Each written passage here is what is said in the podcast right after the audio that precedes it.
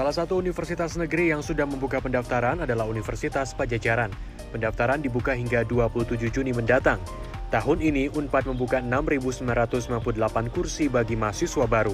40 persennya atau sekitar 2.493 mahasiswa akan diterima lewat jalur mandiri. Ujian seleksi mandiri UNPAD akan digelar pada 7 Juli mendatang dengan dua skema penerimaan. Peserta bisa memilih dua skema. Dia peserta itu bisa mendaftar pakai skema nilai menggunakan nilai UTBK.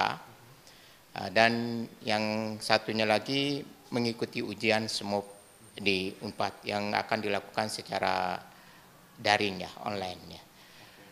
Seperti kalau kalau peserta uh, milih uh, nilai UTBK, uh, dia hanya bisa memilih prodi seperti yang pilihan di waktu mengikuti ujian UTBK itu.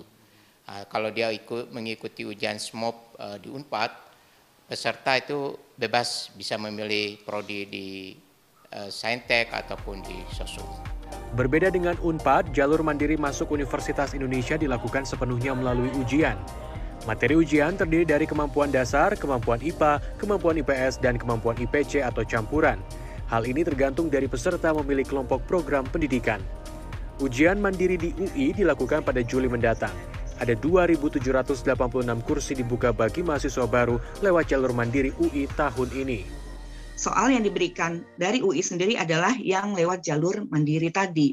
Nah, tentu saja uh, tingkat keketatan ini uh, berbeda-beda dari satu fakultas ke fakultas yang lain, tetapi sampai dengan saat ini memang yang paling favorit tetap adalah fakultas kedokteran.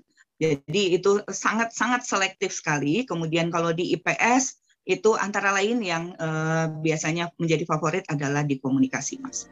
Gitu. Sejumlah calon mahasiswa berencana akan mengikuti seleksi mandiri PTN jika ia gagal dalam UTBK SBMPTN yang tengah bergulir.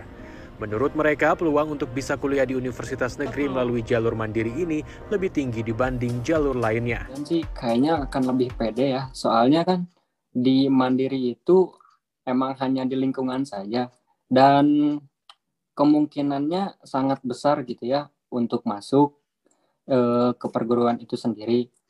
Uh, mungkin ya bisa ada celah untuk masuk juga gitu.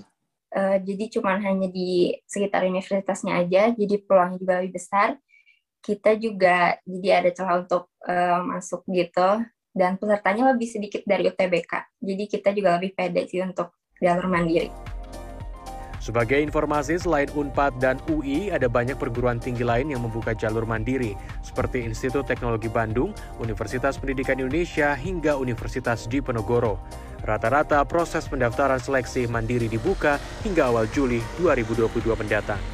Kiki Haryadi, Helmi Suryanegara, Bandung, Jawa Barat.